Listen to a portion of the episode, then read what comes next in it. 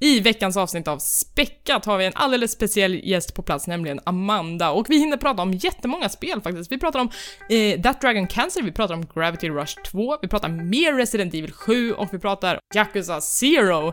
Dessutom så spekulerar vi lite om vilka spel vi skulle vilja se som en film. Det här är Späckat!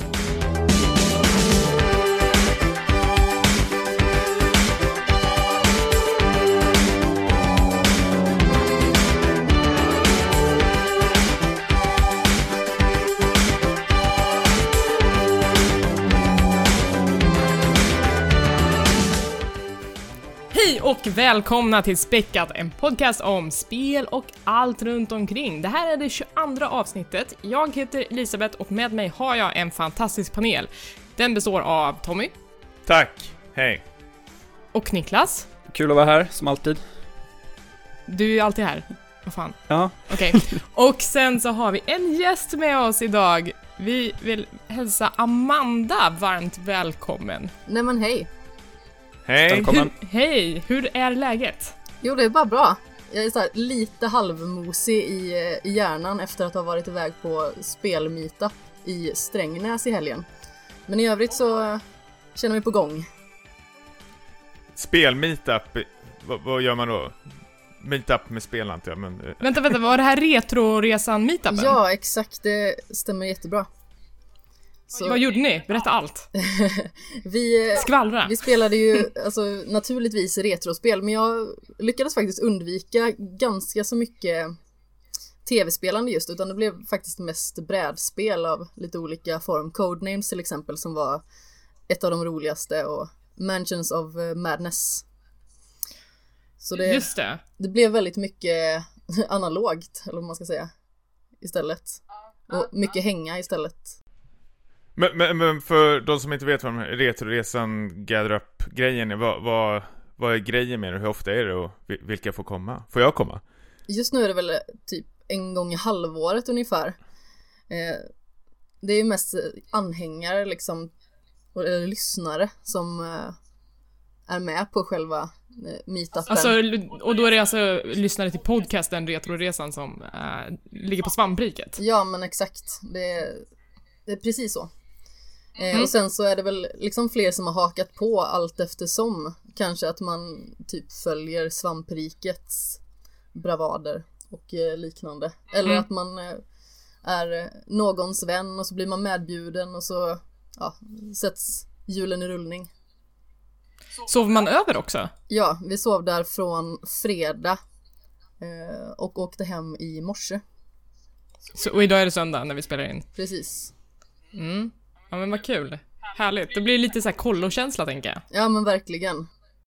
Det låter ju jättemysigt. Ja, kul. Varför gör inte vi något sånt? Ja, Jag får bara sitta hemma. eh, meetup. vi har bara meetups digitalt, man får träffas på internet. Vi, vi kanske får börja med det i alla fall. Ehm, men Amanda, vem, vem är det? Du har ju varit skribent på IGN, men du är inte det längre för att det har skett en ganska stor grej där. Ja men exakt. IGN Sverige och eh, resterande delar i Norden sögs liksom upp till en gemensam IGN-sajt som heter IGN Nordic istället då. Som kommer vara texter på engelska. Ehm, och det kommer liksom inte recenseras något från vårat håll. Så därför kändes det bättre att hoppa på loading-tåget då i och med att de flesta gick dit. Så det blev ganska så naturligt då eh, ungefär halva IGN-styrkan gick just dit. Mm, och då är du en av dem som nu skriver för loading. Har du fått skriva någonting än? Jag har ju inte gjort det, det har ju inte varit många dagar eh, i inspelningens tid då. Eh, som jag har varit eh, delaktig i loading. Bara Men fem dagar eller om, något. men om man vill läsa dina grejer, då så, så är det där man ska hålla utkik. Ja men exakt. Där eller på ja, skämshögen som är min egen blogg. Men där händer det inte så jättemycket så jätteofta. Kan man väl säga. Men du hade ju en ganska bra julkalender. Men vad kul att du Den var det. ju superrolig för att du hade dragit ihop en massa andra skribenter utöver dig själv som skrev liksom olika små krönikor varje dag.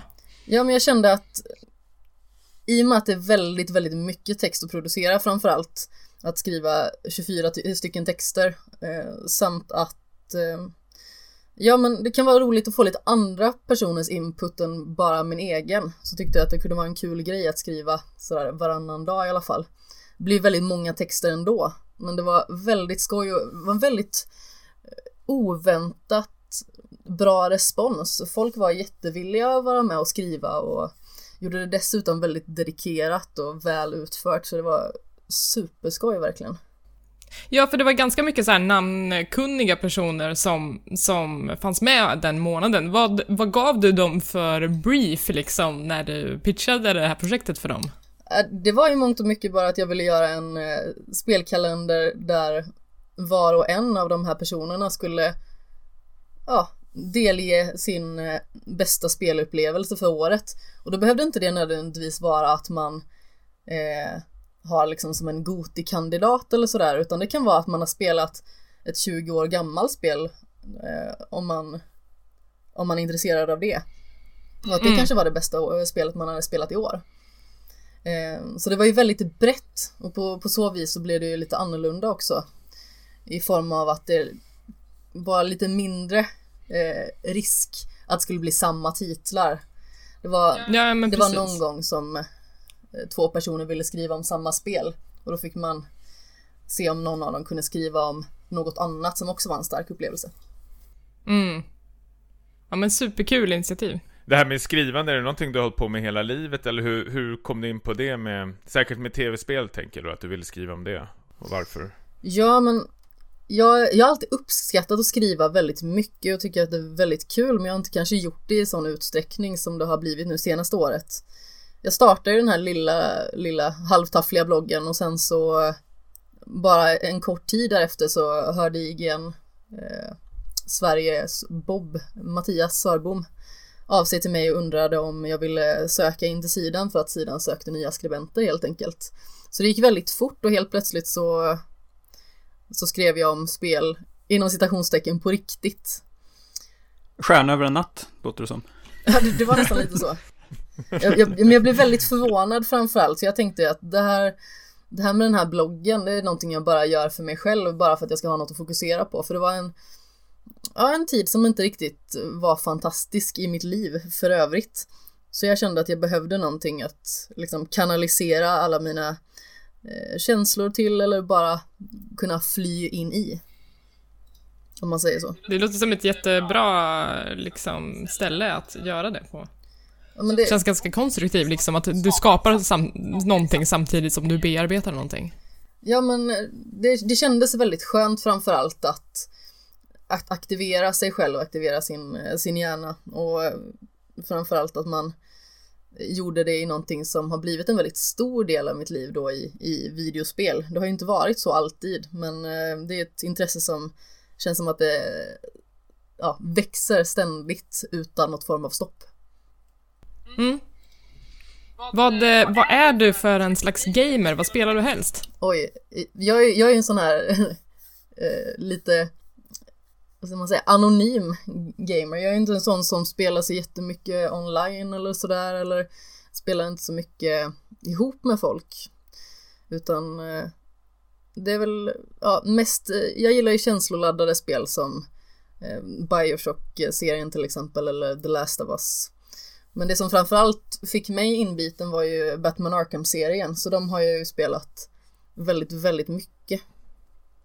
Men du är mer ute efter själva kontexten och narrativet då i, i Ja men exakt. Jag, eh, jag gillar att se, se på spel som något mer än att bara trycka på knappar. Om man, om man säger så. Det låter ju väldigt krast men det är ju väldigt många utomstående som inte riktigt förstår sig på videospel som kanske känner att ja, men det där, det är ju det är bara ett slöseri med tid, men man kan ju få ut så vansinnigt mycket av videospel också i form av liksom, emotionella upplevelser, information och allt möjligt som är faktiskt otroligt intressant och väldigt lärorikt. Men, men vilket var inkörsporten för dig då? När, när började du spela tv-spel och varför? Vad var det för någonting som fick dig? Ja men jag har alltid spelat lite grann, men det var liksom inte så att jag skulle kunna kalla mig gamer på något sätt. Men eh, det var väl för en, jag tror att det är fyra år sedan nu ungefär. Eh, Peter i eh, Play before you die, Peter Eriksson, Eh, och jag är kollegor via gymmet, båda instruerar i ett koncept. Och eh, han tipsade mig om sin podcast, vilket då handlade om spel och jag tyckte ändå att det var kul och intressant i och med att det var en ny bekantskap och eh, Batman har alltid intresserat mig i form av ja, men, spel eller eh, ja, eh, film och serier i alla fall. Eh, och då eh, så skulle han spela Batman Arkham Asylum ur deras väldigt tjocka bok. Den här 1001 video games you must play before you die. Och då tänkte jag att men, det måste jag ju sätta tänderna i. Och då hade jag ingen konsol eller så utan då spelade jag på min laptop och blev helt eh, ja, fullkomligt tagen av det här spelet och hur mycket faktiskt spel kan göra med en. Mm. Det, kän- eh, det känns som att jag hade ett sånt moment typ när jag spelade, jag hade haft en jättelång speltorka, sen så spelade jag The Last of Us, det var det första spelet när jag kom, mm, när jag kom tillbaka.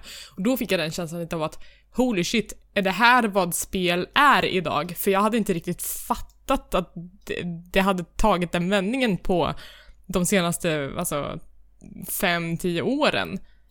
Hade du en liknande sån känsla? Ja men det var verkligen så. För jag hade ju ändå kanske spelat, ja, väl, det var väl en del Gameboy och kanske Pokémon men Super Mario Bros 3 till exempel har jag spelat otroligt mycket.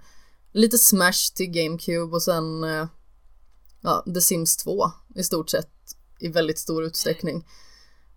Och sen så slog den bara hur mycket faktiskt utvecklingen har gått framåt och hur intressant det skulle vara att liksom upptäcka mer. Så jag spelade klart Asylum just väldigt, väldigt fort och sen så bet jag tag i City direkt i stort sett efter det, för det har kommit ganska så nyligen då. Jag skulle vilja backa bandet lite grann. Du nämnde... Eh, Du nämnde att du instruerar på gym med en kollega. Ja, men Det här är ju ditt jättetuffa dayjob och det är något man kanske inte ser så ofta bland gamers att eh, man... På, på natten så är man ju gamer, men på dagen så är man någon som jobbar väldigt fysiskt med kroppen. Ja, men exakt. Vad, vad gör du? Jag är personlig tränare och eh, instruktör och sen så utvecklar jag även er, eh, andra instruktörer. Så att jag kan Snap! sitta och eh, undersöka hur deras klasser går och se hur de instruerar, ge dem feedback och sen förhoppningsvis så leder de till att bli ännu bättre instruktörer. Men just Men- personlig tränaryrket är ju ganska så nytt. Jag har jobbat som det i, i två år ungefär. Men det är Det är supertufft. Eh, Men, men hur tycker du liksom, blir folk förvånade när du berättar att du spelar spel? Ja, det är nästan den, eh, den vanligaste reaktionen. Folk blir väldigt, väldigt förvånade och eh, tycker väl att eh, hela ekvationen skär sig lite granna. om man säger så. För att de har den här fördomen om att eh, gamers, det är de eh, antingen jättesmala otränade tonåringarna eller till och med att de, man ska vara liksom tjock och inte ta hand om sig Ja, och sin ungefär. kropp. Eh, tjocka oskulder som sitter i sina föräldrars källare och spelar. Fan vad ni ramar in mig där. Perfekt. Snyggt. Bra jobbat. Tommy, vi vet att du är gift. I min källare. Eh, Men det, jag tycker att det är så himla härligt att det kommer fram mer och mer personer som faktiskt håller på med de här grejerna och att eh, även gamers som kanske tidigare har passat in på den här stereotypen också får upp ögonen för, eh, vad ska man säga, träning och, och rörelse utan att, mm, att man inser att man behöver inte kompromissa med sin hobby bara för det. Nej men precis, alltså träning eller motion i allmänhet är ju väldigt viktigt för kroppen. Många tänker just på det estetiska kanske att ja, men jag måste träna för att vara snygg eh, beach, vilket nu år det är helt enkelt. Men eh, det är så otroligt viktigt för mycket mer eh, att faktiskt vara hyfsat hälsosam gör ju väldigt mycket för ens organ till exempel. Och sen så i och med att som videospelare till exempel, man sitter ner hyfsat mycket, man kanske sitter i en ganska obekväm position. Man behöver ju jobba upp väldigt mycket muskler för att inte slita på sin rygg till exempel och, och dylikt. För man sitter ju gärna som en liten, ja, en liten Igor eller Quasimodo ihopkurad och spelar. Och vad, vad tycker du som personlig tränare om positionen ligga i soffan och spela? Gärna lite snedvriden. Är den också farlig för kroppen? Alltså, jag, jag skulle nog säga att eh, det mesta om man övergör det, alltså att man eh, Mm. ligger eller sitter i en position väldigt länge, det, det mår ju inte kroppen bra. För kroppen blir ju det man formar den till i vardagen. Det är inte framförallt på gymmet som man formar sin kropp utan det är vad man gör i vardagen. Till exempel Mm. att man alltid sitter med ena benet överkorsat. Eh, det gör jättestor skillnad, även att man kanske inte märker det när man bara går ut och går. Men man märker det kanske väldigt tydligt om man faktiskt skulle stretcha någon gång. Att kroppen eh, formas väldigt mycket efter hur vi agerar i ja, vårt yrke eller ja, våra hobbys och liknande. Vad tycker du om de här uh, Wii Training-spelen som uh, Nintendo har lanserat? Skulle du Ja. döma ut dem eller funkar det som Wii Fit. Wii Fit? Precis. Jag äger en sån och tänk, tänkte, det här, nu har jag ett mirakel här hemma.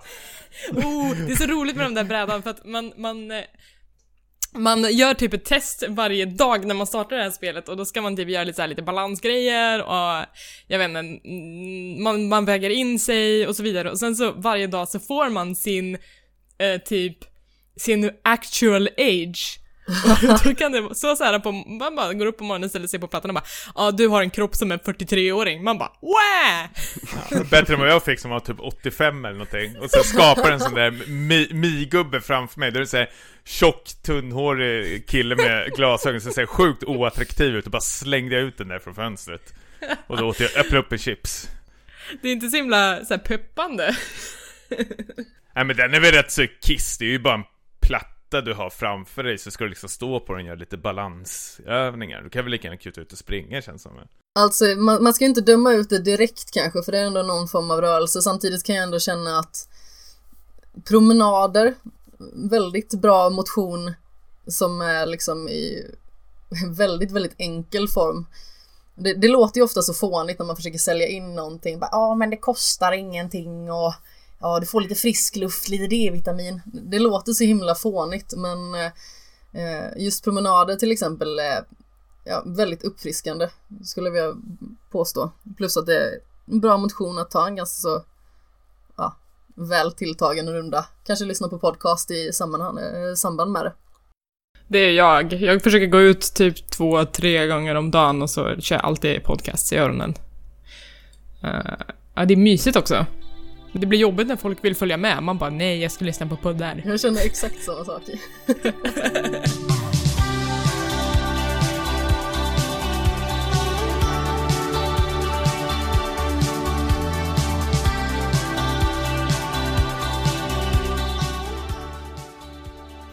Hörni, vi har fått, eh, vi frågade efter lyssnarfrågor på Twitter. Vi fick en. Den kommer Det från... behöver du ju inte säga, du kan ju säga att vi får asmånga, men... Vi har inte tid att läsa upp vi, vi, alla. vi har inte tid, nej precis. Jesper Englin har hört av sig, men nej. That's a lie though. eh, jo, vi, har, vi, vi kollade på Twitter om ni hade några lyssnarfrågor och eh, Mikael som var med och höll i vår Goti-podd skrev om ni bara fick spela ett spel varje dag under ett år, vilket skulle det vara och varför är det XCOM 2? Fast det är det ju inte. Nej, det är det inte. Det är inte det. Nej.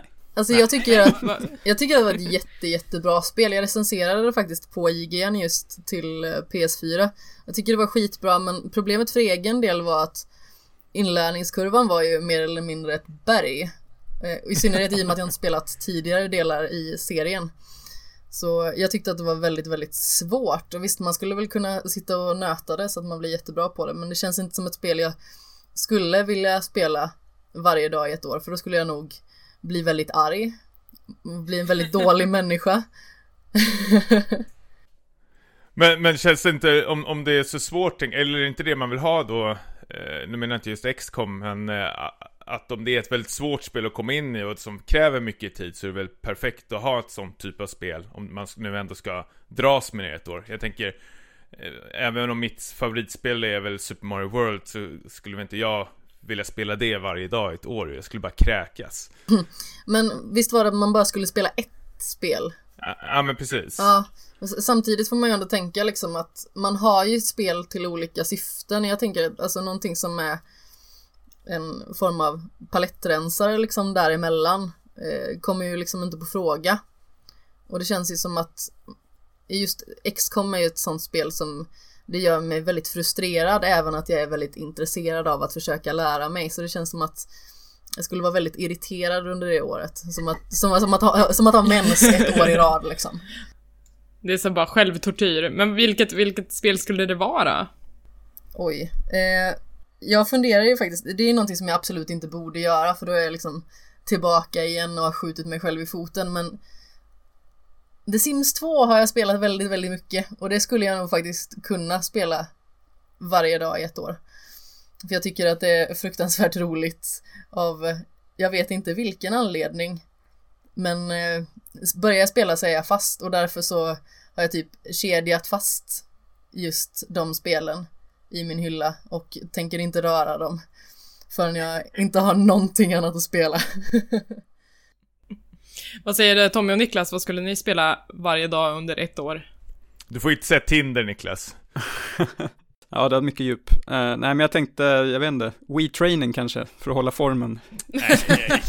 We-training, vad är det för något? We Fit. We Fit. We Fit, kom igen nu. Ja, uh, nej men uh, XCOM 2, jag förstår ju vad han menar, men när jag äntligen klarade det så kände jag mig ganska nöjd ändå. Uh, kände att det var ett avklarat spel. Men jag kan tänka mig att uh, något av Civilization-spelen är ett sånt här uh, ta med till öde spel Har inte spelat det senaste i och för sig, sexan, men det blir väl något sånt här uh, City Skyline-aktigt byggspel, kan jag tänka mig. Men Civ tar väl inte slut heller, eller? Alltså man kan ju, man kan ju vinna i Civ, men, men man liksom går ju vidare och testar en annan civilisation och annan svårighetsgrad eller annan karta hela tiden. Och sen håller man ju på så. Men eh, jag skulle nog ta Starcraft 1, för att jag måste gå tillbaka till mina rötter. Eh, den har en kampanj som är så sjukt bra, som alltid håller, som har så himla mycket politiska intriger. Eh, och när man tröttnar på den så kan man bara gå över till multiplayer och så kan man bli e-sportproffs på, på ett år. Det är klart man kan. Eh, det skulle det. vara mitt spel. Tommy, mm. vad, vad tar du? Nej men jag, för mig ett år alltså med samma spel, alltså det måste vara något jag inte har provat på förut känns det som. Eh, och det måste ha ett rejält endgame, alltså jag vill inte ha några credits och så ska jag liksom spela om spelet flera gånger. Och jag har ju bara liksom snuddat vid de här WoW-spelen, jag har aldrig satt mig in i så här MMO-spel och liknande. Så jag tänker, det kanske vore en grej då att jag skulle bara, ja, du kanske ska bli vovare? Vovare, precis. Då träffar jag ju lite människor, sen får jag väl tvinga Niklas att köpa det kanske. Ja, fan vet jag. Nej men jag, jag, tror nog att ett spel varje dag ett år, ja men det skulle nog bli WoW då faktiskt. Jag gillar att du kan säga det ospelat. Ja, det, det är lite farligt det där, men jag kan inte se något spel som jag har klarat och liksom lagt på hyllan som jag liksom återgå till och liksom fortsätta spela, för då, det, då är det oftast ett spel man gillar, då är jag rädd att jag kommer bara avsky det spelet efter ett år. Så det, det är lite svårare där, eftersom jag känner mig lite sådär om WoW redan nu så hoppas jag att det kanske ändrar mina åsikter, det kanske blir roligt. Och folk har ju suttit och spelat det i sju år, så då tänker väl jag, då kanske jag kan spela ett år i alla fall. Ja, precis. Du kan ju vara en sjundedel så besatt som dem i alla fall. Ja, eller så börjar jag bara tävla i Overwatch, bara äger allting. Vi har även fått en till lyssnarfråga eh, och det var väl, vad var det nu Vilka spel vill vi se som film och vilken regissör, skådis etc. Alltså, det har ju blivit väldigt populärt med de här spel eh, till filmkonvertering, har blivit ja, vi populär. Ja, vi, vi pratade ju om det i förra avsnittet eh, då jag hade sett Assassin's Creed och vi har också pratat om Warcraft-filmen tidigare i den här podden. Och nu har ju Resident Evil. Ja men precis, nya Resident Evil. det kommer komma en drös till framöver. Jag tror att Uncharted är på gång bland annat. Eh, men den är lite längre fram i tiden. Um, och liksom, spel till film har ju någon slags eh, förbannelse över att det blir aldrig bra. Men om då vi skulle få drömma, spekulera och försöka sätta ihop den ultimata kombon så att det faktiskt blir en bra spelfilm. Vad blir det? Alltså jag tänk, är det någon som har något? Jag tänker ju slänga in Bioshock Infinite direkt i den ekvationen. Mm. För det känns ju som någonting som man skulle kunna göra väldigt intressant med tillbakablickar och framförallt i och med att det är ett så visuellt slående spel. Nu tyckte jag i alla fall när jag spelade det. Så eh, känns det som att det skulle kunna bli väldigt intressant foto i det också dessutom. Och det är väldigt, eh, tycker jag, intressanta karaktärer att eh, följa. Ja, jag, jag tänker mig att det kommer bli någon slags här, eh, CGI-spektakel som man nästan, alltså jag, jag, får bara någon bild att typ han, eh, åh vad heter han, Transformers-galningen? Michael Michael, Bay. Bay. liksom bara trycker på den där CGI-knappen och fullt av saker på era Nej, okej, okej, men om det inte är Michael Bay, vem skulle göra den om du får bestämma? Amanda? Alltså, jag har ju blivit eh, ganska så nykär i eh, Villeneuve. Ja, jag hade också honom. Och jag, tyck, jag tycker att eh, hans filmer är fantastiska. Verkligen. Och de är så intressant utförda i allt ifrån foto till hur stämningen byggs upp och de är väldigt raffinerade på alla sätt och vis. Så jag tänker att man hade kunnat göra något väldigt spännande just med honom. I detta fallet. Mm. Ja, Vi- Villeneuve är väl någon vi alla här i podcasten tok eh, älskar. Han är ju, ska ju göra nya Dune-filmen nu. Eh, är det stämt nu? Och Blade Runner dessutom. Ja, precis, som släpps år. Jäklar vad han skjuter ut filmer nu. Jag vet inte om han ska, jag tror inte Jodorowsky ska hjälpa till under Dune, men det, det är ett önsketänkande. Jag, jag vet inte, alltså, så här, många av de spelen som jag gillar mest och som man liksom brinner lite för och spekulerar i casting, det är ju ändå de spelen som är ganska filmiska. Och då känns det som att, oj, ska man verkligen göra en film på det här? Men, men jag skulle kanske vilja se Mass Effect. Det är ju en titel som, vars rättigheter har varit i ropet och har köpts upp någon gång, men det har inte riktigt kommit igång någon produktion än. Um, men jag vet inte, jag skulle vilja ha liksom någon kompetent sci-fi regissör eh, på, på det bygget. Risken finns att det eh, döms ut som en Star Trek-kopia kan jag tänka mig ändå.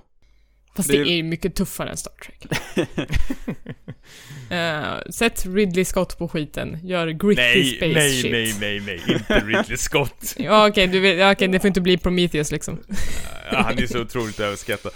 Nej, alltså det jag känner med Mass Effect är det är så jävla mycket lore och kontext och hela eh, tjoset, så jag undrar, hade inte det här passat bättre som tv-serie? Alltså det är så svårt att sätta fil eller spel i film tycker jag, för då är det liksom två timmar så ska de liksom få ihop hela det där. Äh. Men, men tänk typ uh, hur äh, man gjorde med Mad Max Fury Road, för det tyckte jag var ändå så här, uh, en ganska schysst som film, där man ändå får med hela universumet och man får tittaren att förstå universumet utan att man någonsin pratar om eller försöker förklara låren, utan man visar liksom genom actions och genom, genom bilder och foto hur den här världen fungerar. Så det kanske är Miller som ska på Mass Effect då?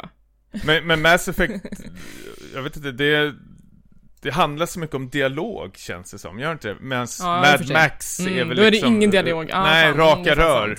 Mm. Ja, jag vet inte. Jag är inte helt såld på vem som ska bli Får man säga tv-serie istället? Det är väl Ja, det helt okej tycker jag. Ja, kan det väl få bli. Ja. Ja, Niklas, har du någon? Jag har funderat lite på, eh, för jag tyckte att, som vi har pratat om tidigare i den här podcasten, att eh, det här svenska spelet Soma hade ett väldigt starkt narrativ, Ja. bra manus.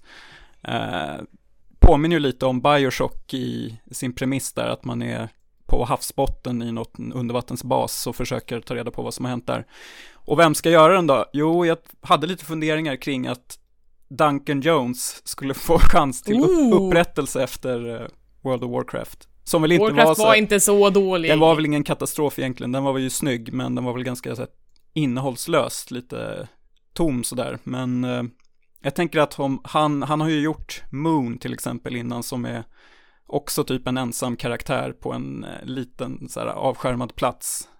Att han skulle kunna försöka upprepa det konceptet. Kanske med, jag vet inte, Jake Gyllenhaal i huvudrollen, eller något liknande. Eh, för det var länge sedan vi har fått, vi har inte fått så många sådana här undervattens skräckfilmer på sistone. Det var någon sväng där på 80-talet där det kom en hel del, men eh, den genren borde få en ny chans. Jag vet, jag har två stycken tror jag jag pendlar mellan, men den första som jag kommer att tänka på som jag tror faktiskt skulle funka, det är, det är Metal Gear Solid-serien. Och undrar om man inte skulle vilja se det som tv-serie där eh, David Fincher får vara med och hjälpa till. Jag tänker nu när han gjort House of Cards och det funkar så bra med de här politiska intrigerna och allting sånt. Dock vet jag inte om Fincher är så jätteduktig på att regissera action, så han kanske får ta in typ eh, jag vet inte, Christopher Nolan eller någon eh, galning där på projektet. Vore väldigt... Mm, Ja, eller andra Nolan som har ju gjort succé med Westworld nu. Jonathan Nolan. Just det. Ja, ja men verkligen. Så för Metal Gear skulle nog inte funka som film, tror jag inte. Om man inte liksom skriver på, alltså gör någon James Cameron-grej över det hela och säger nu kommer det komma fem filmer. Och så får vi förstås vänta i decennier, men eh, om vi bara leker med tanken, visst om det skulle komma fem Metal Gear Solid-filmer och de skulle släppas med ett år mellanrum så skulle det funka. Men annars skulle jag nog hellre vilja se det som tv-serie faktiskt. Mm. Eller David Lynch regisserar Silent Hill 2. Såklart. Såklart. Du har tröttnat på mig Elisabeth, eller hur? Jag tröttnar på Silent Hill 2 för att det är såhär, så fort man frågar "Eh, Undrar om man skulle göra X med spel? Du bara Silent Hill 2. Yes. Det spelar ingen roll vad det är. Bara, Ja, om man skulle så- göra en maträtt baserad på tv-spel, du bara ah, Silent Hill 2. Men Silent Hill 2 är så otroligt, för det var nog det första spelet tror jag, kanske Final Fantasy 6, men det första spelet där jag kände att jävlar, här finns det mer än liksom bara ett spel, utan här har du riktigt bra, en riktigt bra story liksom, där jag känner mig engagerad i och vill veta mer utav. Det känns spännande, kittlande. Mm. Okej. Men du får, inte säga, du får inte säga det nästa gång vi har en sån här fråga. Ja. Vilket Pokémon-spel skulle vi se i framtiden? Ja, någonting med Silent Silent Hill 2. Hill Ja. Du Men har jag bara, är, jag är söt, så det är du, såhär, du har x antal Persona 5 och Silent Hill 2-kort att spela ut. Han har spelat ut alla nu vid det här laget. Ja. De är slut. Till och med Amanda har tröttnat på mig. Ja. Har vi några mer man skulle vilja se som film? Vi fick ju Angry Birds fast vi inte ens hade bett om det. Ja, det är mycket vi inte har bett om. Mad Max var det väl ingen som ville ha heller. Men det är inget spel... Max Payne tänkte jag på, förlåt. Ja, just det. uh, fan, vad kan det vara mer? Mm. Jag har lurat lite på, på ett spel som jag faktiskt spelade ganska så nyligen och som fullkomligt fick mig att typ skita knäck. Och det var ju Dead Space. Ah, just det. Det hade kunnat bli intressant om man gör det liksom riktigt, eh, vad ska man säga? Ja, men så psykologisk sci-fi. Ja men exakt, att, att man känner sig väldigt utsatt och eh, väldigt, väldigt ensam och får det liksom att kännas äkta. Hur man då spelar in den här flickvännen i det hela och gör något snyggt med det. Några kanske tillbakablickar, jag vet inte. Något typ så här Event Horizon liknande, om ni har sett den. Precis så gör! Beat you to it. Det är ju på Paul eh, Anderson som har gjort ganska många tv-spelsfilmer, typ Mortal Kombat och Resident Evil i alla fall. Han kanske ska få en chans till att också han får lite återupprättelse där. Mm. Jag, vill, jag vill ha eh, en film på Starcraft-universat. Men jag har inte hunnit fundera ut vem som skulle göra den eller vem som skulle vara med i den. Men det skulle vara tufft. Jag kommer svara Starcraft på alla grejer så länge Tommy säger Silent Hill 2. Men om jag vänd, får jag vända på frågan då? Vilka film eller serie skulle du vilja se på spel då? Mm, svår fråga. Jag, jag tittar på min eh, fi, filmhylla nu då. Seinfeld, PK Klicka. jag tror det skulle vara rätt så mysigt faktiskt. Mm, Man ska dra massor med skämt. What's the deal with? Och så ska man så här fylla i själv typ. Något Telltale-liknande typ.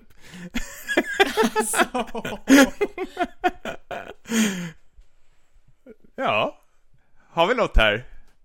mm, vem, vilket, vilket, vilken spelutvecklare skulle göra den? Skulle det vara Telltale? Ja men Telltale, så- så första, varje episod så öppnar det med att han står ju där på den här stand-up comedy-grejen, typ såhär What's the deal with airplanes? Och så, ja, så punkt, punkt, punkt och så får du fylla i någonting Peanuts! So small! Och så skrattar alla Och så står det så här, "Jo- Jo- George Costanza will remember this. Ehm, jag skulle vilja se eh, i världen i den här Disney Pixar-filmen Zootropolis, eh, den staden som den filmen utspelar sig i eh, var så himla levande och tuff och varierad att jag skulle bara vilja så här, gå runt i den staden och FPS, inte. skjuta. Nej, det skulle jag inte vilja göra utan det kanske skulle vara ett eh, detektivlösa mysteriegrej. Uh, ja men det, jag blev väldigt så här eh, kär i den staden och eh, ja, vi ser mer av. Hmm. Och det skulle göra sig bra i ett spel tror jag. Jag skulle vilja se The Revenant som ett survival-spel. I en open world-värld och försöker hitta kött, jag vet inte.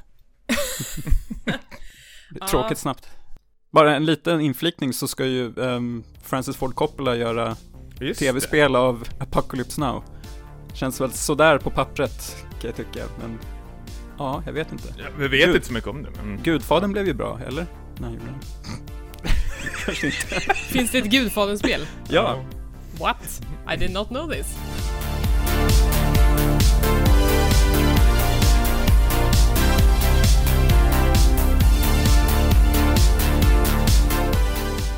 Men då så, vad, vi, vi ska prata lite om spel som vi har spelat. Jag tänkte att Amanda, du kan ju få börja eftersom du är våran gäst. Vad har du spelat på sistone?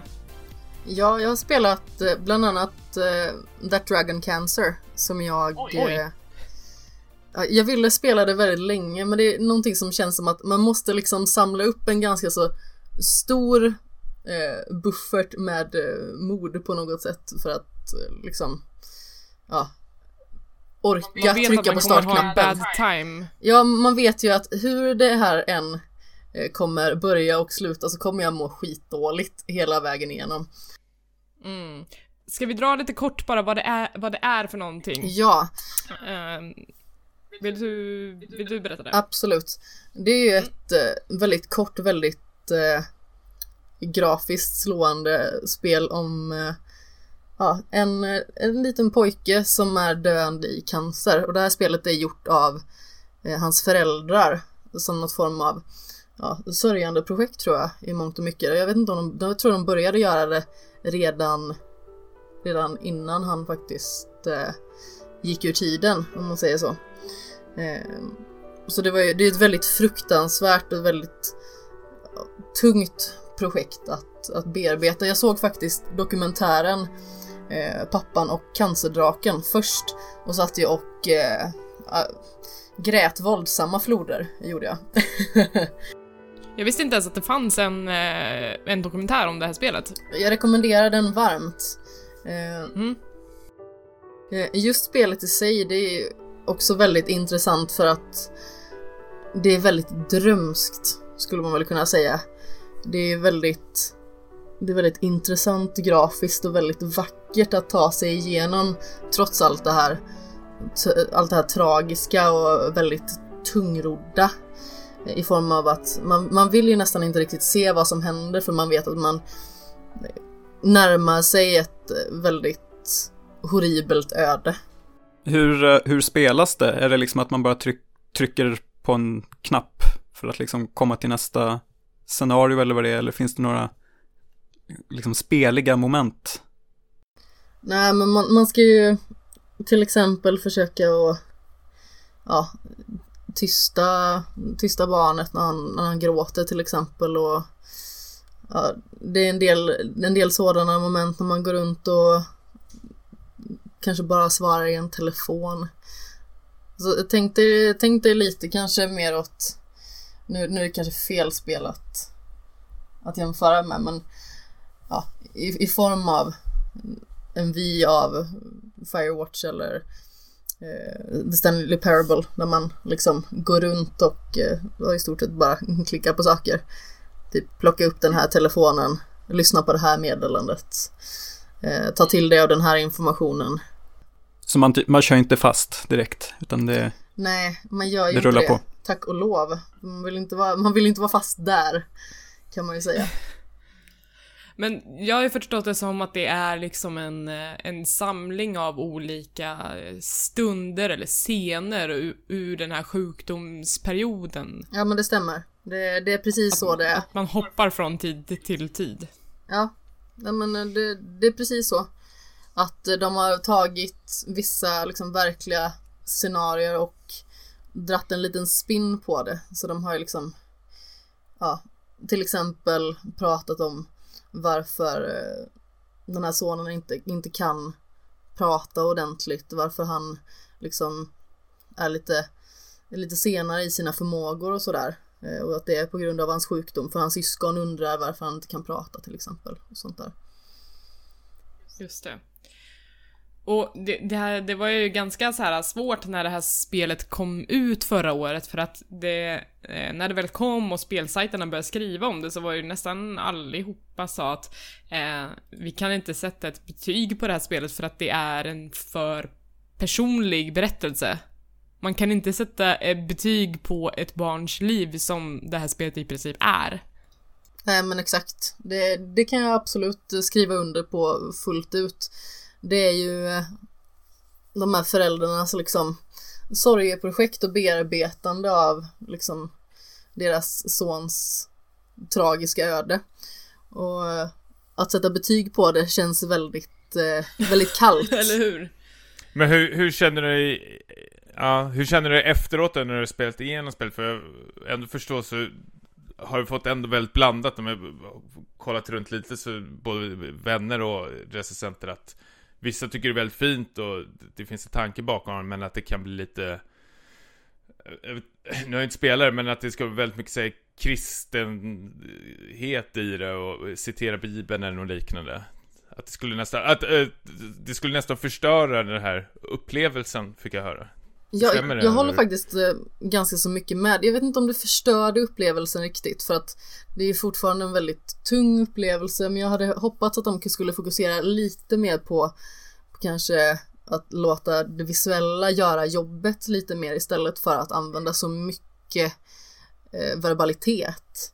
För det blev väldigt mycket eh, snack om ja, Jesus och Gud och så vidare. Och visst, alla liksom har ju rätt till sin religion och man förstår ju att det är ju en väldigt viktig del för dem i sin liksom helningsprocess och bearbetningsprocess. Men samtidigt eh, för mig till exempel som inte tror på, på någonting alls så blir det väldigt svårt att relatera till när det kommer så, så otroligt mycket eh, kristna referenser eller när det hela tiden refereras till eh, ja, Jesus eller, eller dylikt. Det blir nästan lite, det, det, känns väldigt surrealistiskt på något sätt i och med att det är någonting som man inte kan sätta sig in i riktigt själv. Om man säger så. Sen förstår man ju hur hemskt det måste kännas för dem naturligtvis, men just den delen, ja, det, det gjorde det svårt för en. För det blev så himla mycket, det blev så mycket påtryckningar med själva religionen i sig. Ja, sen, jag vet inte, det är, det är också svårt att sätta sig in i kanske allting för att man hör ju ofta att folk som går igenom väldigt, väldigt svåra tider eller svåra händelser eh, vänder sig till till Gud eller till vad man nu tror på fast, fast man inte trodde att man skulle göra det. Man kanske går från att vara inte troende överhuvudtaget och sen bara inse att det här är det enda jag kan vända mig till just nu. Att jag vet inte, men, men, men andra som har varit i samma situation kanske kan sätta sig in det bättre i än till exempel jag som inte har haft eh, sjukdom så närvarande tack och lov i mitt liv eh, hittills. Jag har ju haft det. Mm. Eh, två gånger i mitt liv. Båda mina föräldrar har nämligen haft just cancer. Oj. Ja. Båda är ja, överlevare. Just så det, mm. det känns ju väldigt bra så sätt men ingen av gångerna som var väldigt separata delar av mitt liv så har jag känt liksom att jag vill, har velat dra mig åt det hållet. Jag tror ingen annan i min familj är åt det hållet heller just för att vi är mm, inte mm. liksom religiöst lagda utan vi är väldigt rationella tror jag av oss. Det låter kanske taskigt att säga så, jag vet inte. Men eh, ja, vi, vi är inte troende helt enkelt. Eh, nej, I nej. någon form. Nej. Uh, jag, det här spelet har ju jag i mitt Steam-bibliotek. Jag, jag köpte det för att jag ville stötta de här föräldrarna för att det har varit en ganska kostsam process för dem att ta fram det här spelet.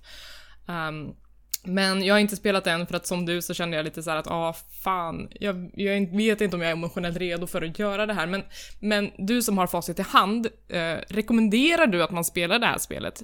Ja, det gör jag. Det, det är absolut värt det och varenda krona man lägger på det liksom är ju en, eh, ja men, en, en, en stöttning oavsett om det liksom är för pengarnas skull eller om det är eh, för liksom det känslomässiga för vad de har gått igenom så känns det som en stöttning jämt emot mm. dem att ingen ska behöva uppleva att förlora sitt eget barn. Det är ju helt horribelt. Och även mm. att vissa grejer går inte att styra över. I, detta fallet var det liksom en, en sjukdom.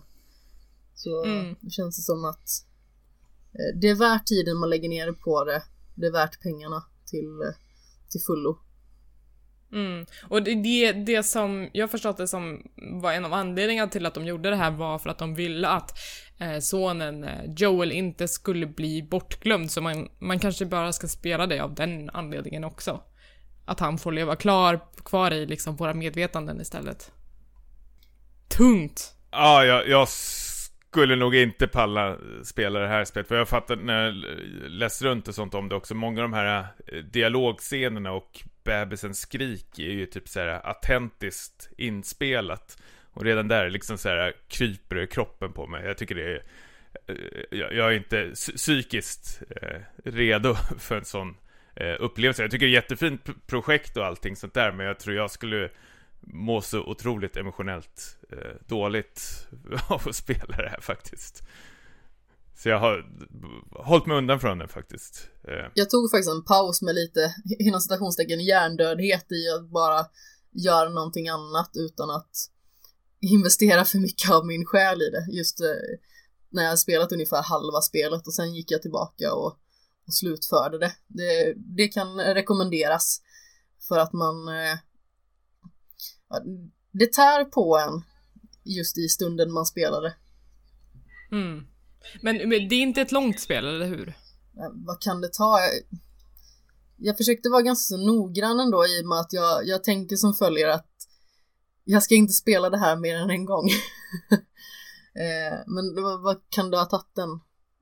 Ja, två och en halv timme tror jag det tog för mig, men jag tror att en och en halv kanske är lite mer realistiskt om man liksom ska gå hela spelet bara rakt igenom.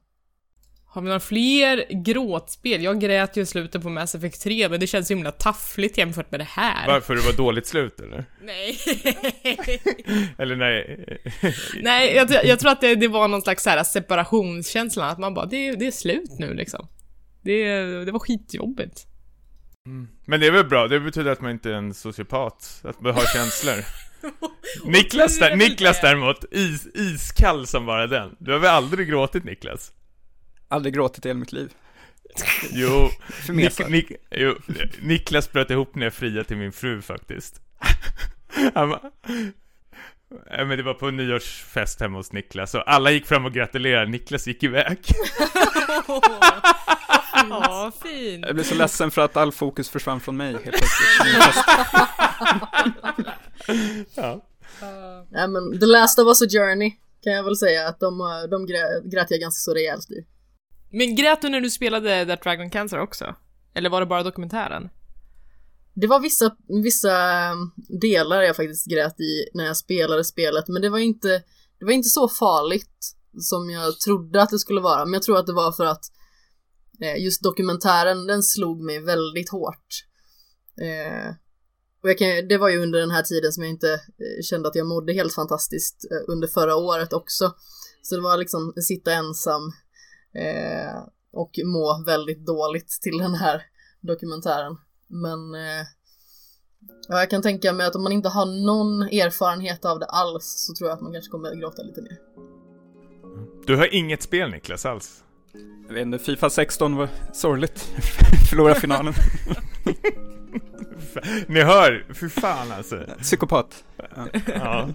Men nu är frågan, Hur tar oss från det här? Alltså, Ja, precis. Hur går man vidare ifrån det här? Nu ska jag sitta och prata liksom om sådana glättiga japanska spel efter att vi har pratat om That Dragon Cancer. Allting bleknar ju liksom. Vi vänder blad. Ja, eh, tack Amanda för att du berättade om, om That Dragon Cancer i alla fall för oss.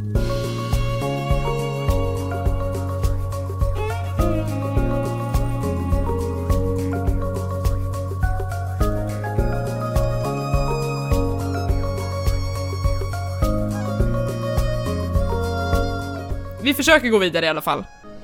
I eh, vad vi har spelat. Får jag berätta vad jag har spelat? Ja! Ja, tack. Tack. Ehm, jag har eh, satt tänderna i spelserien Gravity Rush för att det andra spelet släpptes ju ganska nyligen eh, på Playstation 4. Jag tror det är exklusivt till Playstation faktiskt.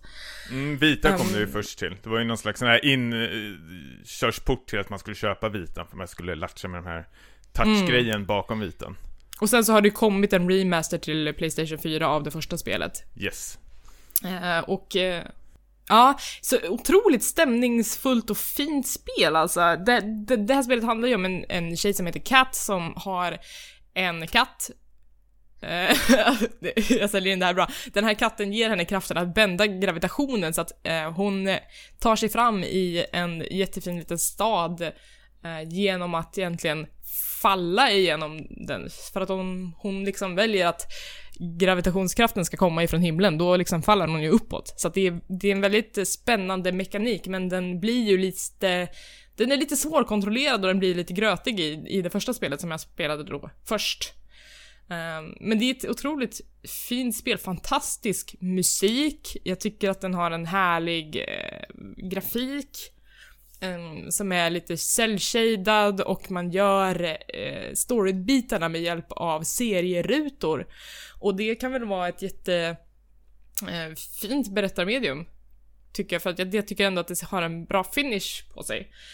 Um, storyn blir lite banal, fightingen är lite banal och det är ganska liksom, det är ganska lätt spel att ta sig igenom. Och sen så kom tvåan och det har jag kört kanske fem uppdrag av nu.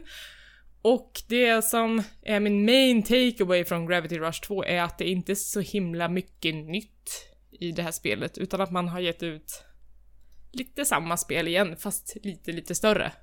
Ja, men Eller det, det ganska väl mycket större. rejält upphottad grafik också. va? Jo, det, det är klart att det är. Att det, det, det har ju uppdaterats till liksom dagens standard. Att det, det ser ju snyggt ut och, och eh, Katt reser till en eh, ny stad. Spelet börjar med att eh, Egentligen, vänta, vänta, egentligen så är det en anime som gör övergången mellan första och andra spelet. Eh, så man kan titta på en 20 minuter lång gratis anime som finns på YouTube som heter Gravity Rush någonting någonting. Eh, och eh, ja, och där får man se att Hexeville som man är i, första spelet förstörs av en sån här Gravity Storm. Det kommer en mystisk ny fiende och eh, Kat och polisen Syd spolas iväg i, i den här stormen till en ett resande folk som jobbar vid en gruvkoloni och de blir slavarbetare där men till slut så har jag kommit nu så långt så att de har fått besöka en ny stad. Och den här staden är liksom sjukt mycket mer levande och snygg än, den, än vad den gamla staden var i det gamla spelet. Så att det ska bli kul att utforska den, men att det här spelet har blivit liksom större och att det har fler sidequests innebär egentligen bara att det är mer... Ah, de questerna är inte så himla så här spännande och välskrivna att man, att man tycker att det är kul att det blir längre, utan det blir mer så här, åh, en sak till att boka av typ. Um, Okej, det ger ingenting eller att göra de här questen? Nej, jag vet inte vad man får för. Man får ju liksom reputation och när man får reputation så levlar man och kan eh, vara i luften längre och sådana saker. Ett rejält nerkliv i tvåan är UI faktiskt. Det är så groteskt jävla fult. Det, det är liksom stadigt och eh, stilrent och snyggt och gör sitt jobb i ettan, men i tvåan så ser det ut som att det är en eh, liksom dagisfröken som har gått in på Gallerix och scrapbookat skiten ur allting och så blir det bara en jävla sörja. Alltså menyerna är överlägset det fulaste i år hittills. Nu har jag inte gått så långt på året så att det kommer säkert komma en grej, men när vi kör våra besvikelser från 2017 så kommer menyerna från Gravity Rush vara en het eh, deltagare, tror jag. har ni spelat Gravity Rush 2? Inte 2 va? Jag har spelat demot faktiskt, så jag känner ju till eh, lite av det. Ja, nej men jag tittade, jag var mest nyfiken hur allt, eh, hur de har liksom uppdaterat det från första spelet, för jag spelar precis som du. Först hade, jag spelade på vita men klarade inte det, så köpte jag remaster-versionen och körde igen det där. Och det, fansen har ju bara som liksom skrikit efter en uppföljare till det här, även folk som inte har spelat det här till vita vart ju helt tokiga att vi vill inte köpa en vita, vi vill ha det här till Playstation-konsolen. Men det jag tänkte på var ju att eh, fienderna och liksom textkonturen och allting, det är otroligt mycket snyggare nu än förut. Förut var ju bara fienderna liksom en svart massa, känns som. Man såg inte vad som är fram eller bak på dem. Nu känns det som de har fått lite karaktär i sig i alla fall. Eh, återigen, det var demot jag spelade, då kände jag att det var lite lite framerate eh, drop faktiskt. Eh, att den inte hängde med lite. Men jag känner att som sagt det var ett demo så det kan ju, de kan ju fixa det jag till har haft, till. Jag har haft lite drops också. Ah, Okej, okay. ja. Mm. Det kanske är någonting, för jag tänker det är väl en studio som kanske inte har så jättemycket pengar som kan lägga ner så mycket energi och arbete för att få igång det där helt kanske. Mm. Ja, jag vet inte. Jag, jag, tycker att det är liksom, det är, det känns bara som en förlängning av det första spelet egentligen, att det händer inte så himla himla mycket nytt. Um, så jag vet inte, mitt första intryck efter de här första fem kapitlen är att det kanske bara hade varit bättre om Gravity Rush fick vara i fred och fick vara det jättecharmiga fina lilla spel det är. Ja, det första spelet var ju underbart, tycker jag. Ja, det var så himla fint världsbygge i det, tycker jag. Och att man har en katt med, det är plus där direkt liksom. ja, katten är med i tvåan, jag lovar. Men det jag gillar med första spelet eh, är ju att eh, det är ju ett open world-spel, men att liksom världen är inte så jävla GTA-stor eller The Witcher-stor, utan du slipper ju liksom hoppa in i bilar och teleportera dig. Istället så använder de här eh, Gravity Rush-funktionen, att du liksom kastar dig över till andra sidan av staden. Nu går rätt så bra Eh, det är ett bra tempo känner jag att man får i, i det hela tiden. Det tar inte så jävla lång tid att ta sig till andra sidan av stan. Och jag tycker det är någonting jag har saknat, att världen behöver inte vara så otroligt, otroligt stor, utan den, det går faktiskt bra att köra en lite mindre värld som i Gravity Rush. Mm. Gravity Rush eh, 2 har, eh, jag läste någonstans nu, så ta mig inte eh, helt på orden, men att den här staden skulle vara såhär tre gånger större än i, i det förra spelet. Och då blir det såhär, men större är ju inte alltid bättre. Nej, det, det, Rockstar är väl duktiga på så här. Äh, nu mm. kommer Red Dead Redemption 2, den är fem gånger större än GTA 5-världen. Men då är det så här, men det var ju så sjukt trist i den där GTA 5-världen. Varför ska ni göra det större? Mm. Ja, men jag, jag kommer spela vidare. Uh, men jag är inte superimponerad på första intrycket. Liksom, det, är ju, det är ju fortfarande fint, men jag hade ju kunnat bara leva kvar med ettan som ett fint minne. Mm. Spelat om det. Ja, du låter besviken alltså. Ja, men jag tror det är mest menyerna. Fan vad fula de är. Så jävla fula. de hänger kvar än. Hemsöker dig om natten. ja, alltså, jag drömmer mardrömmar. Så jag jobbar ju som grafisk designer. Så vaknar jag svettig för att jag tror att jag har designat menyn till Gravity Rush 2. Fan, hemskt. Ja. Men gillar ändå Cat. Jag vet inte, jag, jag, hennes, alltså hur hon ser ut och allting. Jag tycker hon är en väldigt intressant karaktär att titta ja, det, på. Det väldigt jag håller cool. med på. Jag ja. håller med om. Och den där, jag, nu kommer jag inte ihåg vad den andra tjejen hette. Raven. Ja, ah, precis. Hon är ju också otroligt snyggt uh, mm. gjord faktiskt. Mm. Uh, ja men de, jag tycker att de känns mycket mer fleshed out i det, um, det nya spelet. Att, att de, uh, eller i alla fall Cat har väldigt mycket tal. Uh, så hon, hon blir väldigt... ja just det, de har ju det här hittepåspråket också som de pratar. Isländska? Nej, det, det låter typ som såhär japaner som försöker prata franska. Mm. Fast det funkar inte. Lite, lite simspråket. ja men typ. Bara ja, eh, men eh, jag får intrycket av att det är mycket mer voice lines till eh, Cat och att det, eh, det tycker jag är bra. Kanske hamnar i reabacken här för mig då. Mm. Det, det tycker jag, ja, en reabackspel kanske. Usch, tråkigt. Va? Niklas, what the fuck? Niklas säger ingenting. ja, men rebackspel, det är väl ljumnaste kritiken man kan... Nej. Det är när man inte har, har någonting kvar att spela liksom. Och inte ens då överväger man det. Niklas, du har inte spelat de här spelen, eller? Nej, jag testade demot och kände att det var ganska bra så, så för tillfället, men Ja, vi får väl se. Om det dyker upp i reabacken så. ja. Mm. Tommy och Niklas, Yes. Yes. fansen kräver en uppdaterad rapport från Resident Evil. Våra fans, eller vilka fans tänker du på? Era fans. Okej, de finns där någonstans. Ehm, ja, vi var ju ganska positiva förra avsnittet när vi levererade de första intrycken. Nu har vi klarat spelet, båda två. Jag är fortsatt positiv. Eh, jag tycker att det här är det bästa spelet i serien sedan eh, del 4. Eh, det är inte lika banbrytande som det spelet var när det kom, men det, det här känns ändå rätt eh, nyskapande eh, för sin genre. För att man, jag får lite känslan av att man har släppt lite på stoltheten, den här, jag vet inte, japanska stoltheten inbillar jag mig, att man har låtit sig inspireras lite utifrån. Dels av spel som typ Outlast och eh, Alien Isolation som vi nämnde förra avsnittet, men även att man har ju tagit in en, eh, en västerländsk manusförfattare för första gången i eh, Resident Evil-serien. Vi har ju även han Navid Konsari som gjorde det här eh, iranska revolutionsspelet. Så det finns ju lite nya röster här känns det som. Ehm, Och det behövs. ja, det behövs För verkligen. Capcom. Ja, de, det finns inte så många så här japanska eh, gamla spelhjältar kvar. Typ som när Konami började göra Pachinko-spel och jag vet inte vad liksom. Så det, jag vet inte. Tommy, är du nöjd eh, med liksom helheten? Nej men visst, senaste gången vi pratade så hade vi spelat i eh, två, tre timmar. Jag känner mig fortfarande otroligt nöjd efter jag spelat klart det. Dock skulle vi säga att eh, tredje akten är väl lite svagare, skulle vi säga. Även fast den känns lite eh, ny och roliga vändningar har de väl där också. Men det- är på gränsen att man eh, har tröttnat på det då. Och tredje akten, då menar du liksom den sista delen av spelet eller? Ja, precis. Mm. Men det är väldigt klart och tydligt när man kommer dit känns det som faktiskt. Men eh, sen, alltså det, det är ju ett, det är ett porrfilmsmanus det här. Det är ju otroligt eh, klyschigt och eh, känns inte så jättespeciellt utan det är väl själva upplevelsen man är efter. Men det är väl lite i linje med Resident Evil manusen som har varit också i så fall.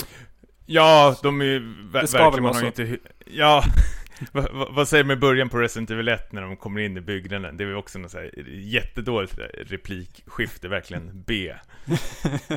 ja men B-film helt enkelt. Eh, och jag, eh, jag kan väl tycka att det blir mot slutet lite den här, eh, vi nämnde ju de här familjemedlemmarna eh, och hyllade väl dem i förra avsnittet, att de var ganska bra, eh, de hade det så här säregna egenskaper och så. Man, det är väl lite för mycket spoiler att säga att det finns ett barn med i, bilden också, som eh, får mig att lite tänka på de här uh, Fear-spelen, om ni har kört om den här första persons skräcken Mm. för typ tio år sedan. Och det är ju faktiskt samma manusförfattare har jag sett. Så det är kanske lite hans grej det här med jag vet inte, lo- eh, svart, svarthåriga, långhåriga små tjejer som är, Ja, det är den uh, tropen. det är den tropen Ah. som kommer. De Och ska det är gå i korridorerna och sjunga lite barnvisor. Barnvisor och sånt. Såklart. Mami! Mommy remember? Nej men lite sånt där. Are you my mommy? Ja. Ja, typ. Så inte den dialekten. Men ja. Nej, nej. Eh, så det är ett minus. Sen tyckte jag väl att eh, bossarna var väl lite eh, sådär. Sista bossen var väl sämst av alla kanske. Ja, fast ändå inte. Jag får återigen den här Evil Dead-känslan att det är så jävla uppskruvat till 11, eh, många av bossarna, att de liksom eh, kör någon slags, vad, vad heter det, de, förvandling liksom och ser ju helt jävla groteska ut, eh, många av dem. Jag tycker de, många av dem var rätt så coola faktiskt.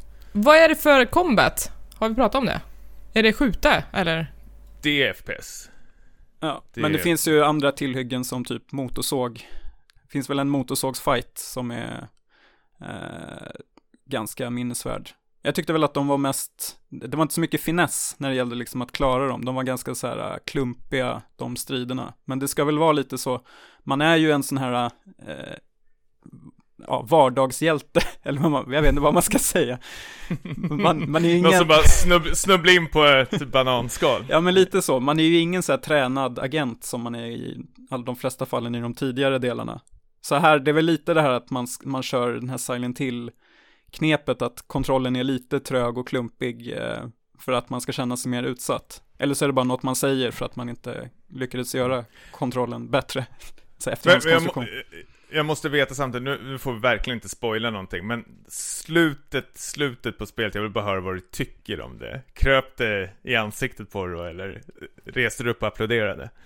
Om det var gåshud på armarna? Ja. Ja, det var det, absolut. Det var...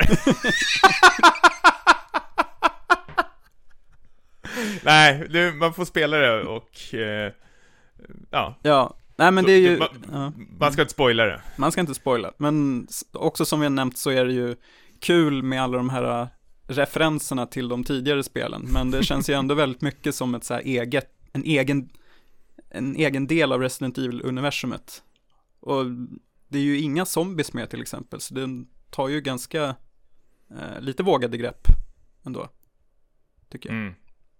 Mm. Nu är det nytt Umbrella-virus istället. Nytt Umbrella-virus. Ja. Eh, men det stora hela, jag är ju supernöjd. Jag hade ju väldigt låga förväntningar på det här spelet, så jag tycker det, det, i stora hela så har det överraskat mig mer positivt än negativt faktiskt. Och det är ju ett spel som ska spelas eh, på kväll tycker jag, nedsläckt. Det skulle jag aldrig göra i hela mitt liv. Men jag, jag är glad för er skull att ni verkar ha fått det Resident Evil som ni ville ha. Mm. Som vi förtjänade. Ja, så det förtjänade. Och om man har köpt den här Playstation VR eh, nu och känner att man har ont om spel så tycker jag verkligen då att man ska köpa eh, Resident Evil. Det vart eh, ännu bättre då faktiskt. Vi hade faktiskt en olycka här hemma hos eh, mig nu i eh, fredags för några dagar sedan. Jag bjöd hem några arbetskollegor som har aldrig provat VR. Och då kastade jag på dem Resident Evil på direkten. Det var ingen liksom mjuk inkörsport det här är inte, för jag tänkte så här, nu, nu är det lika bra att vi drar igång det här.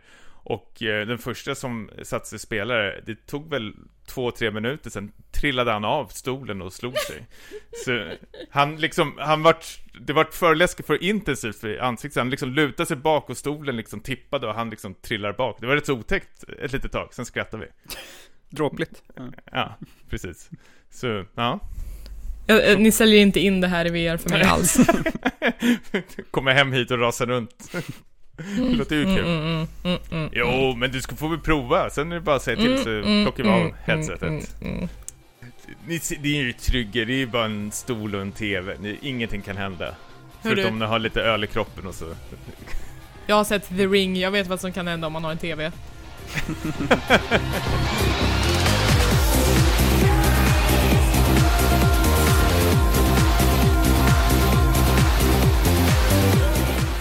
Vi ska prata om ett spel till innan vi avrundar för idag och det är jag som har spelat det eh, i princip splitternya Yakuza Zero till Playstation.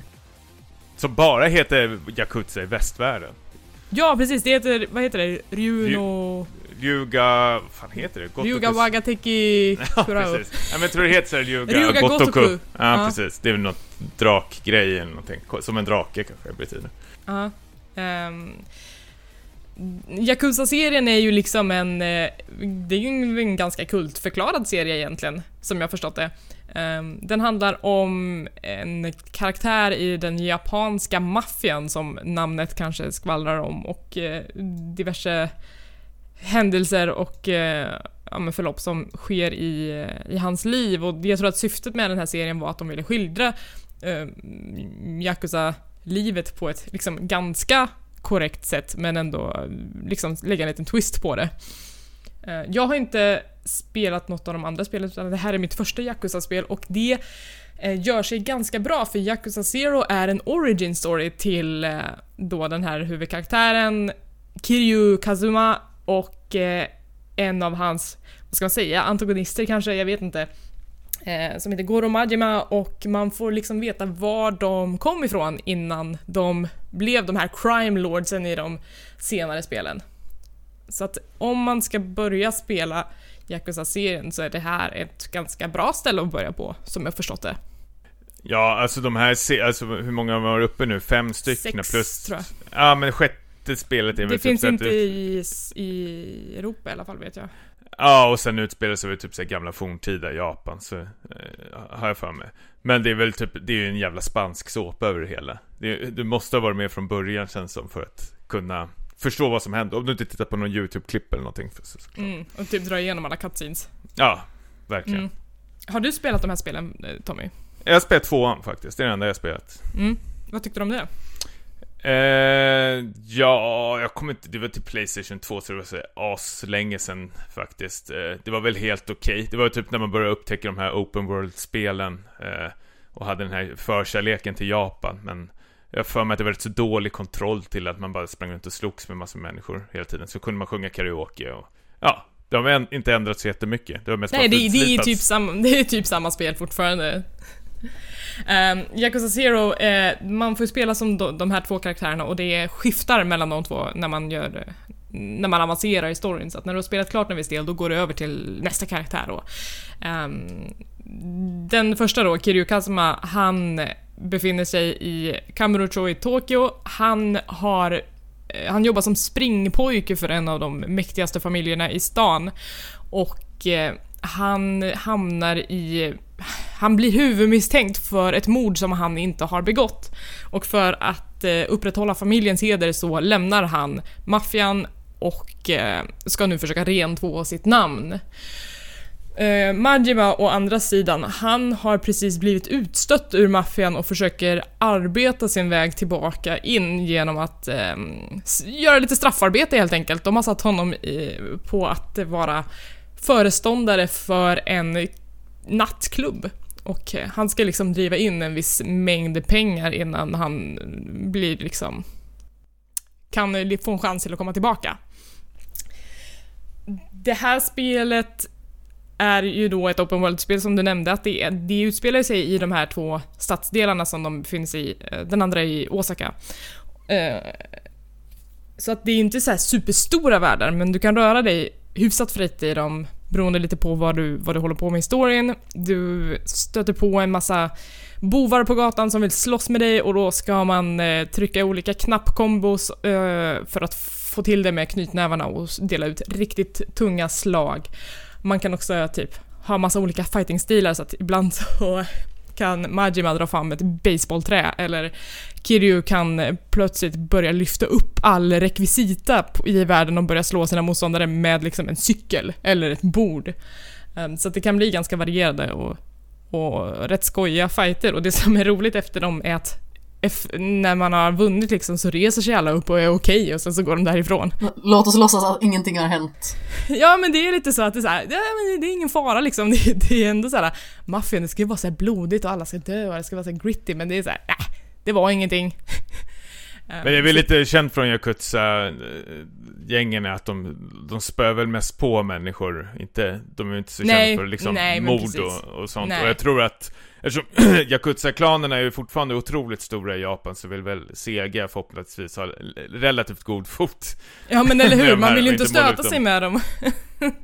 För man kan väl, man kan väl räkna man kan väl räkna med att liksom, de här eh, riktiga förebilderna i verkligheten, de, de spelar ju kanske de här spelen. Eh, och tycker Gör saker. säkert. Eh, men det, det, de här spelen är ju väldigt over, over the top. Det, det blir ofta ganska ostigt och det blir inte så bättre av att det är utspelat sig på 80-talet så att allt är väldigt så här flashigt, man har så himla konstiga kostymer på sig.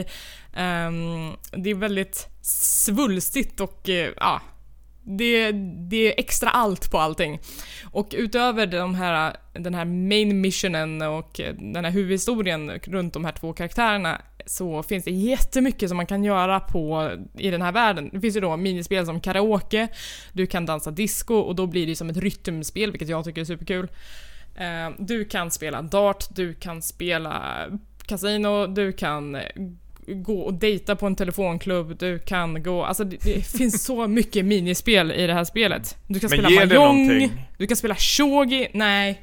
Det du kan vinna pengar, du vinner pengar, du kan ah, satsa okay, pengar ah. i de här spelen. Ofta. Ja men jag tänker uh, karaoke-grejen och sånt där. Nej alltså, det får du ingenting för. Varför ska jag gå dit? Alltså, jag brukar, jag, jag hatar sådana där gimmicks i spel, att det inte ger någonting till spelaren. Varför ska jag ödsla min tid här? Mm, det, det ju, finns ju en completion-meny eh, där man kan se så här. ja du ska få, du ska klara den här låten på alla tre svårighetsgrader, då fyller du upp din procent i den här completionist-delen, men du får ju ingenting för det. I slutet. En trophy kanske till längd. Ja, Ding. om du, om du har tur. Du får en trophy typ för att ha spelat alla minispel minst en gång till exempel, och det har inte jag gjort än för det är så jävla mycket. Eh, jag spelar biljard och jag har spelat shogi och jag spelar mahjong. Jag kan inte de spelen överhuvudtaget så jag förlorar jättemycket. Eh, men det finns i alla fall att göra och det är ganska eh, Alltså, det är väl liksom i the spirit av de här underhållningskvarteren som det faktiskt är. Ehm, sen så har ju de här karaktärerna också sidosysslor vid sidan av att de, för de är ju faktiskt inte med i maffian utan de skaffar sig ju nya jobb. Ehm, så att eh, Majima han driver en hostessklubb. Eh, hostesses är ju sådana här sällskapsdamer egentligen som man betalar för under... Kabakurra. ja men precis. Mm.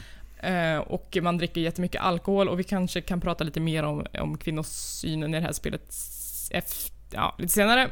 Men, eh, Spara det sämsta till Eh. sist. ja, men, och eh, Kiryu han joinar en, en mäklare.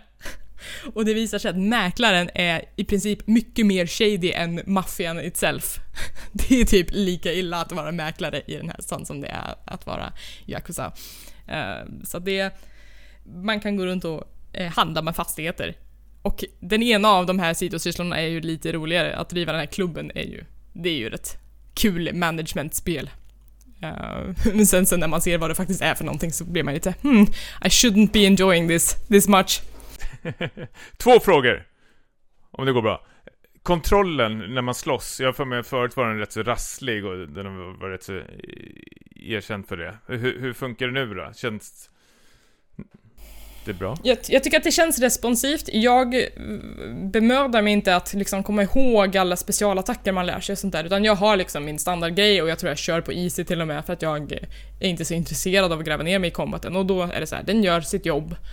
Ehm, och senare i spelet så får man också möjlighet att eh, undvika strider eh, för att man är så rik att man kan kasta pengar på marken och då kommer anfallarna strunta i dig och gå och plocka upp pengarna istället.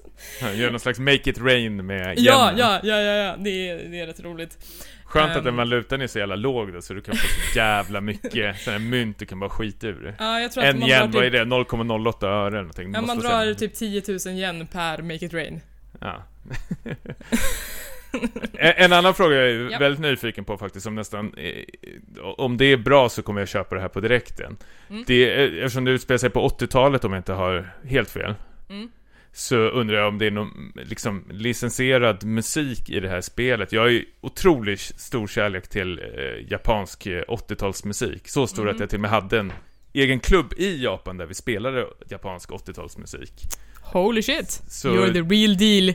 Precis, jag undrar, finns det någon Matsuda Seiko eller YMO eller något Ja, liknande? men om jag visste vad som var hett i Japan på 80-talet så skulle jag berätta det här för dig. Men ja, jag... men finns, finns det musik om jag säger så? 80-talsmusik eller är det bara ljud? Spelmusik Ehm, tänker jag. jag ska säga att som bakgrundssoundtrack så är det ju bara eh, ljud, musik och eh, ambience. Jag tror att när man går runt i stan så är det faktiskt ganska tyst. Ehm, Men eh, i cutscenes och så, då dyker det upp musik och jag tycker att den är ganska medelmåttig. Jag tror att hitsen hittar du ju när du kör karaoke eller dans. Ja, är och så. jag googlade lite snabbt nu och det verkar ju vara liksom autentiska 80-talshits. ja. Ehm, så att Det är ju de synd att där. jag måste dra in till karaoke-rummet för att lyssna. Jag skulle vilja ha något liknande som, eh, ja men som Final Fantasy 15 hade, att man sprang runt med sin MP3-spelare. Jag vet att det inte fanns det på Det den fanns tiden. inte på 80-talet, Men, något liknande. Man kan ha en radio. Ja, just det. Ja. Ja. Såhär Walkman. Ja, det vore ju ascoolt Mm. En gammal Sony Walkman skulle man dra fram ju. Jag tror vi har någonting här. Vi får ringa till Sega och be dem fixa det. Um, var det något mer du undrade? Nej, det var mina två. Niklas kanske undrar Ja. något? Hur är det med kvinnosynen? Oh, ska vi, ska vi, ska vi Ja, det är dags. den grejen? Det är dags. Elefanten i rummet. Ja men jag skulle säga så här, Yakuza är ett väldigt, väldigt japanskt spel och det, alltså det är så otroligt japanskt. Det känns väldigt autentiskt när man går på de här gatorna, att man bara, ja men typ så här mindes jag Japan och jag var inte ens i de här nyhetsdistrikten men det känns otroligt eh, på riktigt. Och när man gör japanskt så får man också med sig deras kvinnosyn och den är inte alltid superbra men jag tycker att här har man faktiskt gått lite överstyr. Eh, I de första 6-7 timmarna av spelet. Så de enda kvinnorna man träffar eh, jobbar antingen med sexarbete, de jobbar med sexarbete, de jobbar också med sexarbete. Eh, de eh, eh, är ofta så här lättklädda, infantiliserade, de har ingen agenda överhuvudtaget utan de vill bara tigga pengar av de manliga karaktärerna i spelet. Ehm, och de funkar också bara egentligen som en katalysator för att visa så här, hur onda eller goda karaktärerna i spelet är. Så otroligt ointressanta kvinnokaraktärer och det blir också en liten så här, show i exploatering av kvinnokroppen som är... Eh, det finns vissa delar i det här spelet som jag aktivt undviker faktiskt. Um, det, och det, det finns också något otroligt hyckleri i den typ att Um, några av sidequesten går ju ut på att man hjälper kanske kvinnor i utsatta situationer, till exempel en... Uh, det finns en uh, gymnasietjej som säljer trosor eh, som hon har använt till män på stan för att det kan man inte göra via internet, för internet fanns inte då. Och eh, då går Kiryu fram till henne och säger att du borde inte sälja dina trosor för tänk vad din mamma skulle säga eller tänk vad din pojkvän skulle säga om det. Och sen så och sen så liksom går han därifrån och tycker att han har gjort ett jättebra jobb och sen så går han till en, liksom i nästa andetag går han till en videoklubb och tittar på mjukporr av samma tjej som han precis har hjälpt. För att så, här, så fort du interagerar med vissa tjejer i spelet, du kanske till exempel handlar av dem i en affär eller du Eh, det är en tjej som du räddar ifrån en sekt som försöker hjärntvätta henne och sno alla hennes pengar. Ehm, och du räddar henne undan ett sexuellt övergrepp. Eh, eller bara du pratar med bartendern på ett ställe. Så låses det upp en erotisk video med den här karaktären. Och det blir så här: what the actual fuck?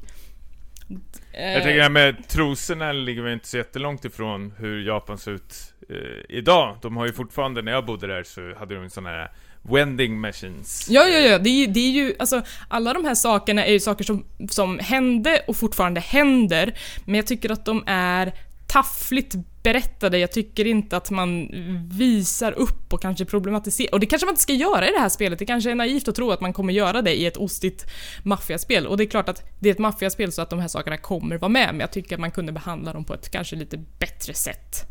Ja, men jag tänker det är ju någonting med Japan och deras eh, grej för trosor. Som sagt, den där vendingmaskinen som eh, fanns utplacerad på vissa ställen kunde ju liksom köpa och så kommer de ut ett par trosor så, så är det någon lukt som är liksom påsprayad att liksom mm. eh, Jag vet inte, banantrosor eller någonting sånt Men där. alltså Så, så liksom går de runt och luktar på dem och, mm, Banan! Ja, alltså.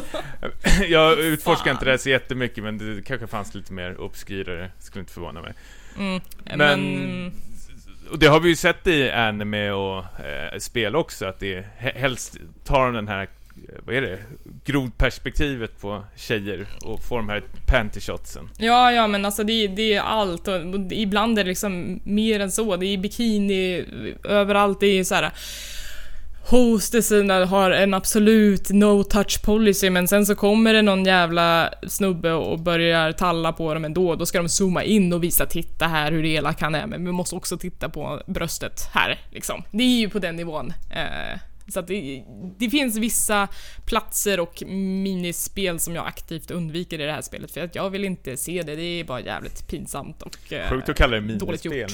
Jo men det finns typ ett dating-minispel på en sån här telefonklubb som är uh, man ska försöka snacka upp en tjej så att hon vill träffa en i verkligheten så att man kan gå på en dejt sen och då medan man pratar med henne så, så får man se liksom eh, Kiryus fantasi av hur hon ser ut utkristallisera sig medan man frågar henne mer och mer saker om, om sig själv. Och hon har ju då såklart en bikini på sig och så vidare.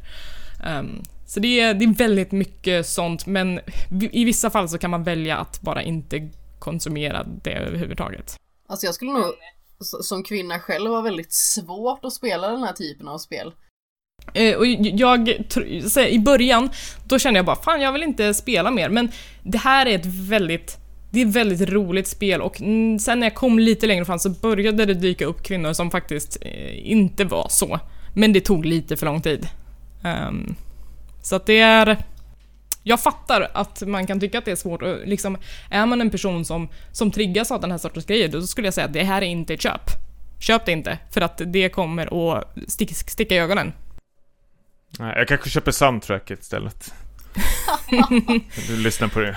Um, så att man får, uh, liksom det är helt okej okay att tycka att det är ett roligt spel för att det är mycket som är bra. Och så storyn är otroligt välskriven. Jag tycker att den är superspännande och den känns inte förutsägbar egentligen. Och uh, man ska säga avbildningen av mansrollen tycker jag är jättespännande i det här spelet. Men kvinno, kvinnosynen är ju liksom, den får ju stryka med. Men det finns ju många spel som, som faktiskt är ganska så underhållande och som liksom är roliga att spela.